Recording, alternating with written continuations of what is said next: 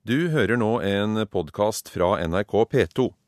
nrk.no podkast. Så man sier at eh, det ser ja, ganske greit ut for neste uke. Ser ut til å bli forbi periode med sol. Det kan fortsatt forekomme noen byger her og der. ikke sant? Og så står det 'nå kommer liksom drømmesommeren eller knallsommeren eller kanonsommeren' eller hva slags begrep det er. Det er klart at det er jo enkelte ord som er oppmerksomhetsskapende, da. Som eh, gjør at det kan være litt fristende av og til å bruke dem. I Kurer i dag skal vi se på språket som blir brukt i værjournalistikk.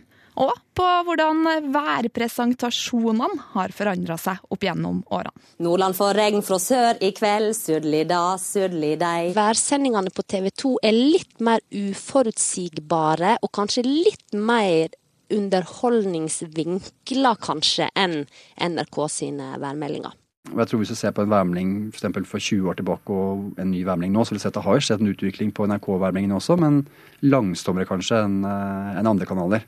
Kurer, P2s mediemagasin. Været er et av nordmenns favorittema. Regn, kulde og sol. Eller monsterregn, sibirkulde og hetebølge, som en kan lese om nå og da. For vi journalister har en tendens til å smøre på litt når det kommer til nettopp vær.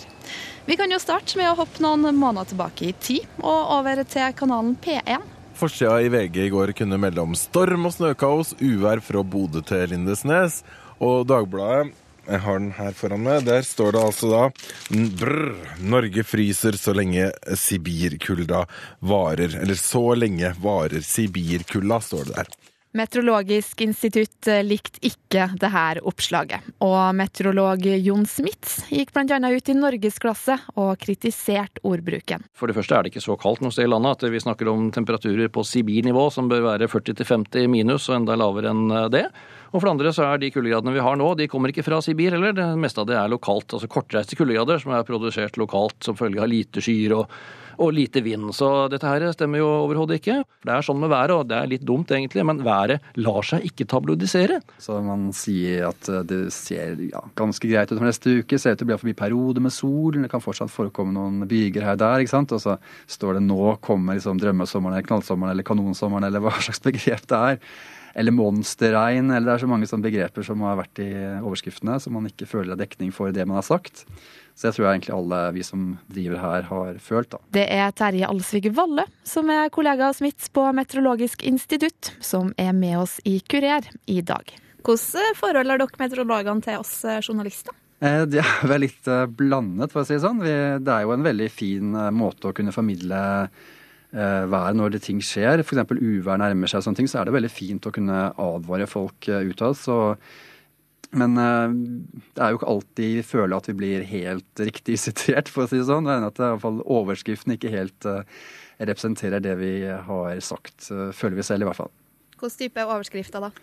Nå kommer knallsommeren, nå blir det drittvær. Altså det, er, det er så unyansert budskap at uh, overskriftene er veldig unyanserte. Så man sitter kanskje og tør kanskje ikke å si helt de store ordene, fordi man vet at da blir kanskje budskapet enda spissere. Skal ikke legge skjul på at det er mye, mye dårlig værjournalistikk i Norge, men det er fordi at folk ikke vet hvordan de skal bruke begrepene riktig.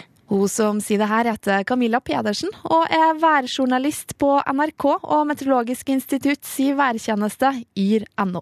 Altså Bruk av sånn ord som sibirkulde, monsterregn og hetebølger og alt dette. Det leser du aldri på Yr med mindre det er dekning for det, og at meteorologen kan bekrefte det. Altså Det du kan lese på Yr, det er kanskje artikler som tar opp ordene sibirkull og monsterregn, at man hører mye om dette i de store mediene. Men er det egentlig sånn? Eh, Og hva betyr egentlig sprengkulde? Camilla tror ikke alle de store ordene og tabloide overskriftene bare handler om oss selv, men også at mange journalister ikke helt vet hva de snakker om. Jeg tror man må ha egne værjournalister. Altså Når journalister jobber sjelden med vær og vind, og så plutselig skal de skrive om det, så kan de bli helt uheldig bruk av ordvalg. Og mange journalister har for lite kunnskap om vær og vind, og da er det uheldig at de skal skrive om det. Så jeg tror at eh, hvis hver redaksjon hadde hatt sin egen værjournalist, som kun hadde jobbet med vær og klima, så tror jeg det kunne blitt eh, mye bedre i norske medier.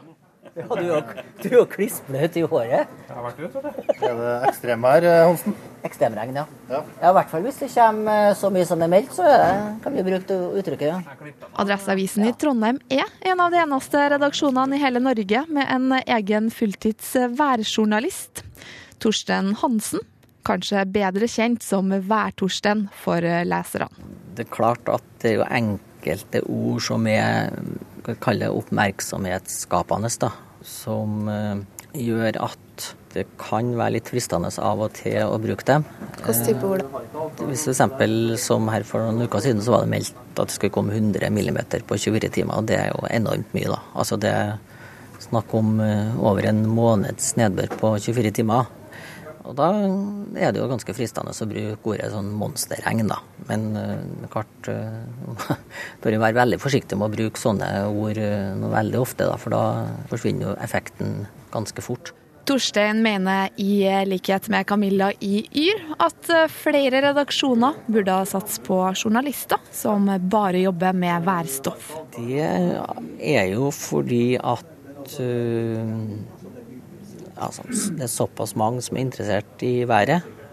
Og når man i tillegg tenker på klimaendringer som gjør at det kommer til å bli stadig flere tilfeller av ekstremvær, så mener jeg at det er noe som norske redaksjoner bør satse på å gi enkelte journalister kompetanse i. Det, det er vel sjelden at hvem som helst eksempel blir valgt til å skrive om fotballkamper. Kanskje ikke vet forskjell på offside og corner. Det er ikke vanskelig å finne et nyhetspoeng i været hver dag? Nei, jeg syns egentlig ikke det. Det er nesten sånn at det strømmer på. Altså nå har jeg jo allerede i dag nå så har jeg skrevet fire forskjellige saker. Du har skrevet fire saker? Klokka er ett? Ja. Hva hvilke saker da? Eh, nei, først så var det jo om uh, hvor det har regna mest, da. Og så har jeg jo sjekka at det har uh, her er mildvær og regnet tæra veldig på snømengden, så det var et par plasser da forsvinner nesten 20 cm snø på ett døgn. Det er veldig mye. Så jeg laga litt om det, og så oppdaga jeg plutselig at det var sendt ut et sånt varsel om høy vannføring.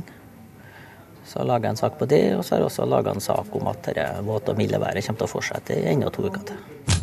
Hvorfor er vi nordmenn så utrolig glad i å lese om været?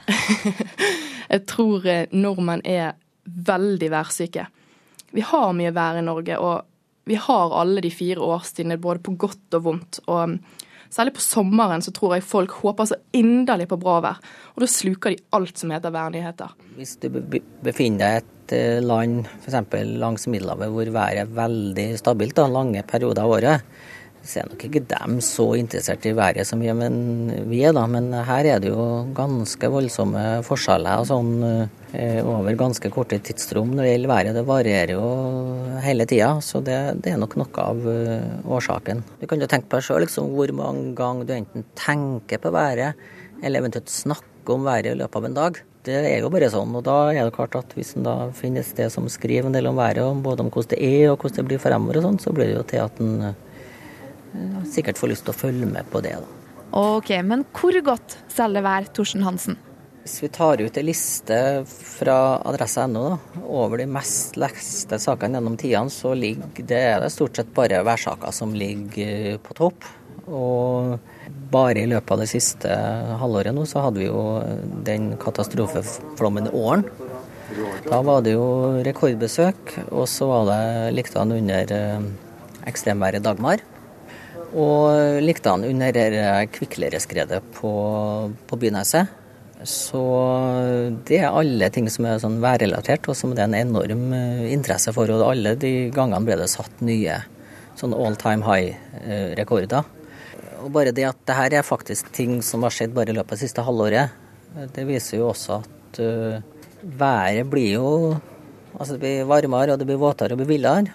Og antall uh, hendelser med sånn ekstremvær, eh, det kommer nok bare til å øke og øke. Og, og sånn sett så kommer jeg i hvert fall alle til å gå tom for eh, ting å skrive om. Altså Sånne hendelser kommer det til å bli stadig flere av. og da eh, er det helt tydelig at det er en enorm interesse for å, å lese akkurat om sånne ting, når det selvfølgelig er på det mest dramatiske. Sommeren er jo den definitive høysesongen.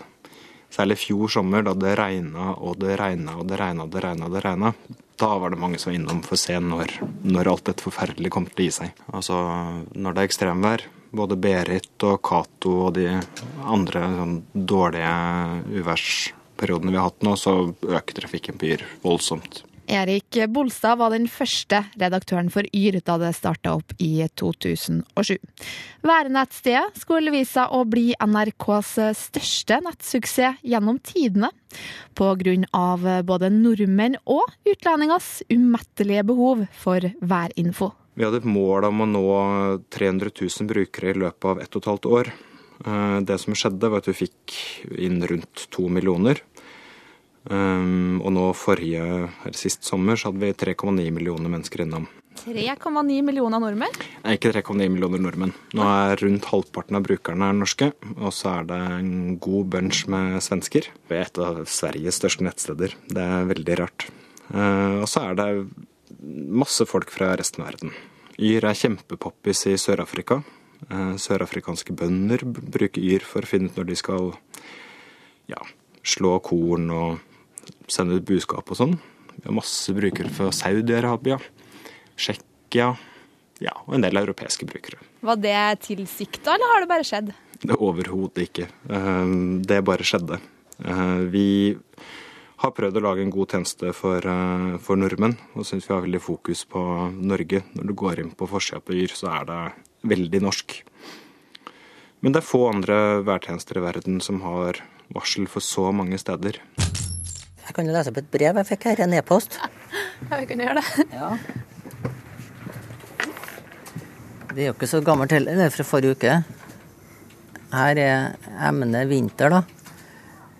Og så står det her Har du sett ut av kontorvinduet ditt i dag? Slutt å skrive visvas på adresse.no. Ingenting stemmer, har nesten aldri stemt det du har skrevet det siste året. Blir frustrert av slike som melder vær i hytt og gevær. Det er få ting vi nordmenn liker bedre å snakke om enn været. Det er få ting som drar så mange klikk og selger så mange aviser. Og det er få ting som kan gjøre oss så forbanna. Det opplever værjournalistene stadig vekk. Det er et kolossalt, eh, kolossalt engasjement hos eh, enkelte. som er blitt kalt idiot, og det som verre er. Eh, det er bare kommentarfeltene. Så nå har jeg for å unngå de aller verste eh, karakteristikkene, så har jeg jo, legger jeg jo konsekvent alle artiklene jeg legger ut på nettet med, med sånn Facebook-kommentarer. Sånn at de i hvert fall må stå frem med navn, dem som kommer med forskjellige sånn karakteristikker. Men det er klart, det, det er alle sammen når jeg skriver om været fremover. Det er alle sammen Eller dem som har dem mest voldsomme kommentarene ikke tar hensyn til, er jo at jeg faktisk baserer meg på det Meteorologisk institutt og andre værvarslingsinstitusjoner melder. da. Det er ikke noe jeg finner på sjøl. Men eh, det er som jeg må ta, ta støyten for, for at uh, hvis meteorologene bommer, så må jeg ta støyten for det. da. Det, det får jeg jo kommentarer på her på avisa. Jeg får ofte mail av folk som er sinte fordi at det er dårlig vær der de er, og de må la det gå utover noen.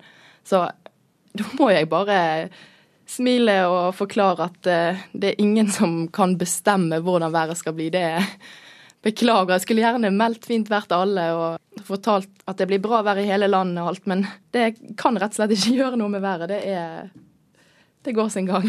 Kurer, P2s mediemagasin. Ja, kveld. Vi har fått en del mildere på Svalbard siste døgnet, og det har også dukket opp flere varmegrader i vest. Ellers i landet en del kuldegrader og kaldest i indre Nord-Trøndelag.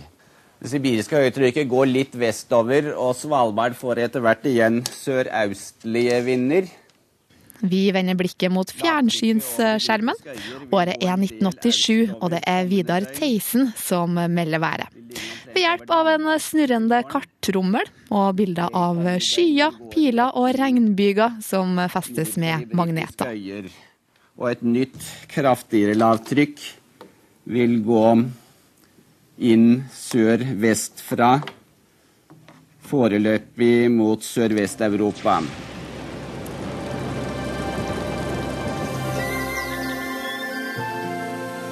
Men fem år senere, i 1992, skjedde en aldri så liten værrevolusjon på norsk TV. Nå i kveld og i morgen vil nok dette lavtrykket her bevege seg østover, og det vil nok gi litt regn til Sørlandet, men ellers ser det òg ut til å bli ganske bra vær flere plasser i Sør-Norge i morgen. Jeg vet at eh, han som hadde ideen til hvordan værvarslinga på TV 2 skulle se ut, han, han, utsatte rett og slett det norske folk for en liten test. Han ansatte tre damer, som da var et bevisst motstykke til statsmeteorologene i TV 2, nei ikke i TV 2, i NRK den gangen. Um, og så ansatte han da tre typer damer, da. Eh, det ene det var eh, Siri Kalvik, som var meteorolog, men samtidig veldig pen og eh, snerten En snerten liten sak, da, vet du, med disse korte skjørtene som hun ble så kjent for, osv. Så, så ansatte en annen type, og det var den litt mørke, mystiske folklorikeren Toril Torlei, som krydra værsendingene sine med værtegn og, og varsel, i tillegg til det vanlige matematisk-meteorologiske varselet. Og så ansatte han da den eh, korrekte, strigla eh, meteorologen som, eh, som, på en måte utstrålte kun det faglige budskapet, da. og etter en stund så merka de seg hvem som ble den mest populære blant det norske folk, og det var Siri Kalvik. Den pakken likte de som satt og så på TV. Værvarselet skulle ikke være fullt så høytidelig. Konkurranser og underholdning blanda med info om regn og sol ble oppskrifta for Eli Kari Gjengedal og kollegaene hennes. Og i 2009 tok TV 2-været det lenger enn noen i Norge hadde gjort før dem. Jeg heter Eli Kari, jeg tror jeg er meteorolog. Dette er det beste været du noensinne så. Spitsbergen får skya vær, litt regn, men lite blest. Vest-Finnmark får regn i kveld og bris ifra sørvest. Det var en utfordring som eh, hele nyhetsavdelingen fikk fra X-Faktor, som da skulle starte på TV 2.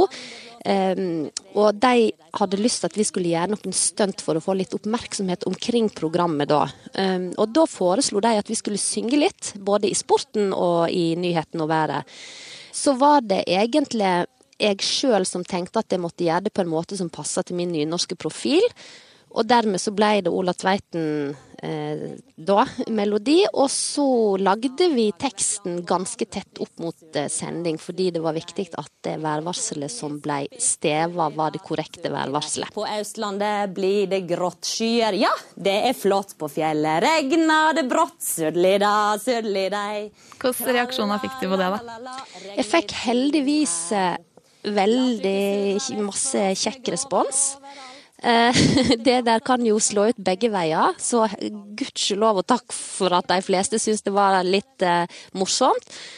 Ja, og det ble jo Den gikk jo på YouTube og ja, så det ble egentlig veldig mye eh, oppmerksomhet rundt den. Stuntet har vunnet flere reklamepriser ute i Europa osv. Jeg tror det skal være litt ja, Vi har jo veldig høy tillit til våre værmeldinger. Så når vi har sånne målinger, så ser vi at vi ligger veldig høyt på omdømme og tillit med Meteorologisk institutt. Så vi prøver ikke å gjøre oss liksom kulere eller Uh, enn vi er. Så vi, vi, prøver å være litt sånn troverdige og, og saklige i formen. Um, og jeg tror Hvis du ser på en værmelding for, for 20 år tilbake og en ny værmelding nå, så vil du se at det har skjedd en utvikling på NRK-værmeldingene også, men langsommere kanskje enn uh, en andre kanaler. Så TV 2 er jo f.eks. bare damer, noe jeg syns for så vidt er litt merkelig i våre dager. Men da de kom på lufta i, på 90-tallet, så var det jo bare menn på NRK. og da valgte de en helt annen profil, liksom bare unge damer, mens vi hadde da godt voksne menn. Så de skilte seg veldig sånn visuelt fra NRK. Nå har jo NRK fått eh, en god blanding av både yngre og eldre damer og menn, så nå er det jo stort sett hele spekteret, mens eh, TV 2 fortsatt kjører på bare damer. Det er vel fordi at en i starten hadde en tanke om at en skulle være et motstykke til den gang eh, varslinga til NRK, hvor det da var bare statsmeteorologer som var menn. Eh, så det var vel egentlig det som var tanken først, men han har alltid åpna opp for at det skulle være muligheter for gutter, da. Ehm, og vi hadde tre mannlige værpresentatører i TV 2 på God morgen Norge en periode på slutten av 90-tallet. Og de jobba vel et år eller to før en bestemte seg for å ta inn jenter i det konseptet òg, da. Eh, og så har en holdt litt fast ved det, og jeg tror at TV 2 ønsker å beholde den merkevaren som er værdamene på TV 2. Men samtidig som jeg understreker at vi oppfordrer alltid gutter til å søke når vi er ute etter nye folk. Jeg syns at NRK eh, har blitt mye sprekere. Um, de har jo ansatt en del damer òg, eh, slik at jeg syns vi har nærma oss litt eh, hverandre etter hvert som tida har gått. Um, ellers så syns jeg at værsendingene på TV 2 er litt mer uforutsigbare, og kanskje litt mer underholdningsvinkler, kanskje, enn NRK sine værmeldinger. Dette er Meteorologisk institutt. På Blindern er det nå vindstille, skyet oppholdsvær og temperaturen er 10 grader. Minimumstemperaturen i natt var 8,2. Temperaturen på Tryvannshøgda er syv grader. Radioen var lenge nordmenns hovedkilde for ferske værmeldinger. På P1 er det i dag tre daglige varsel, i tillegg til at det blir lest opp værmeldinger på mange distriktssendinger. Men hvordan er interessen for radioværet? Den er nok på vei ned, vil jeg si, sånn generelt sett i forhold til hva det var for en del år siden, hvor radio var kanskje enerådende nesten når det gjaldt, gjaldt værformidling, så var jo radio veldig dominerende før, men nå har den mistet litt av den rollen at folk finner jo værinformasjon også mange andre steder. Så nettet har jo tatt over veldig mye av den detaljvarslingen av været. Yr har jo blitt en kjempesuksess og har stor, fått stor interesse i, i samfunnet. Alle i Norge vet hva Yr er for noe. Og radio har nok gått litt ned som, som primærkilde til, til værinformasjon. Ja, God kveld, statsmeteorolog Terje Alsigvalle. God ettermiddag. Unnskyld, god kveld, ja. God kveld, god kveld, god kveld. God kveld. Jeg sender jo Kveldsåpen fra Trondheim, og vi er i Midt-Norge. Jeg forstår det sånn at eh, framover i tid så blir det dårlig her og oppover? Det ser sånn ut at det er nye lavtrykk på gang inn, og det blir nedbør særlig i Nord-Norge. Men også Trøndelag får litt nedbør nå i kveld natt, og så blir det i Nord-Norge som får den verste trøkken i morgen. Både vind og, og nedbør, dessverre. Intervjuformen blir mer og mer vanlig, så intervjuformen er populær og en veldig fin måte å formidle vær på. I hvert fall når det gjelder mindre områder. Det er vanskelig når det gjelder f.eks. kyst og banker. Det er nok intervjuformen lite gunstig. men for folk flest som skal ha en, en værmelding for dagen dag og neste dag, så så er intervjuformen en veldig god måte å formidle vær på. Både fordi det er nært geografisk og også nært i tid. Man kan snakke litt mer uformelt om været istedenfor at det blir sånn opplest og litt kjedelig i formen. Så intervjuformen er på vei opp, og opplesningsformen er nok på vei ned sånn generelt sett. Man kan si det litt kort, da. Kurer fra Norsk Rikskringkasting. Valsmesnes, Hørmdal, Gøden, Stuv, Kaling. Frisk på kysten. Vi starta Kurer med å se på språket til journalistene. Men meteorologene har også fått kritikk for å ikke være så lett å skjønne seg på. Nå Harald Heidesteen jr. gjorde et tydelig nummer ut av i denne sketsjen kalt Værmelding. Og så har vi noen observasjoner fra ishavsstasjonene klokka 12 GMT.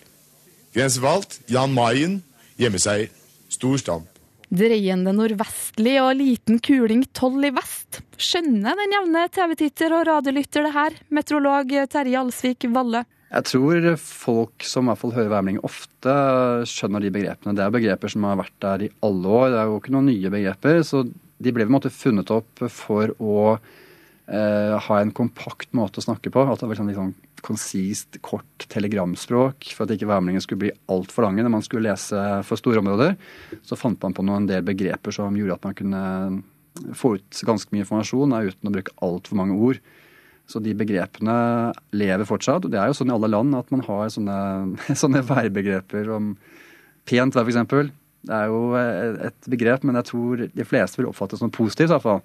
At det er lite skyer og oppholdsvær. Det er det det betyr, da. Lite skyer og oppholdsvær. Det er jo det som er hovedutfordringen vår. Det er at det, det værvarselet som meteorologen, varslingsmeteorologen har utarbeida, det har en egen terminologi. Vår jobb er da å folkeliggjøre værvarselet. For det jeg og du på en måte når vi er ute og går er opptatt av, er blir vi våte, blir vi kalde, blir det sol eller ikke. Vi er ikke så opptatt av om det er sju åttendels skydekke eller eh, ja, den type termologi som en kanskje snakker om eh, varslingsmeteorologene. da. Så vi har to utfordringer. Det ene er å folkeliggjøre varselet, sånn at eh, folk forstår hvordan været blir. Og det andre det er å formidle kanskje litt konsekvenser av det, og eh, så må vi klare å komprimere det ned til to og et halvt til tre minutter. Og det er egentlig den største utfordringen. Radioarkivet. Vi avslutter med å gå over 30 år tilbake i tid, til året 1980. Statsmeteorolog Christian Tregde har sin siste dag på jobb etter å ha vært på Meteorologisk institutt siden midten av 40-tallet. Trond Lillestølen intervjuer den drevne værmelderen om de teknologiske fremskrittene i værvarslinga. Hva er den viktigste forskjellen på værvarsling nå og for 38 år siden da du begynte som statsmeteorolog? Oh ja, det, er for, det, er jo helt forandret. Arbeidsrutinene er helt forandret. Eh, selvfølgelig har vi også her tatt i bruk datamaskinene. Før måtte vi tegne kartene, tegne observasjonene inn på værkartene. I dag kommer de ferdig tegnet og uh, analysert. Uh, til en viss grad, i hvert fall. Vi ser jo fremdeles at dere gjør en del feilvarsling. Kan man i overskuelig fremtid tenke seg en værvarsling eh, praktisk talt uten feil? Det tror jeg aldri vil komme på tale. Det er så mange faktorer som griper inn når det gjelder været, at man vil aldri klare å programmere alle disse tingene inn i datamaskinene. Og uh, det ville også kreve noen kolossalt sterke datamaskiner, kraftige datamaskiner hvis man skulle få noe sånt. Men som sagt, altså, det tror jeg ikke vi har noen sjanse for noen gang å komme frem til 100% sikre værvarsler. Kurer. Fra kringkasting til podkasting.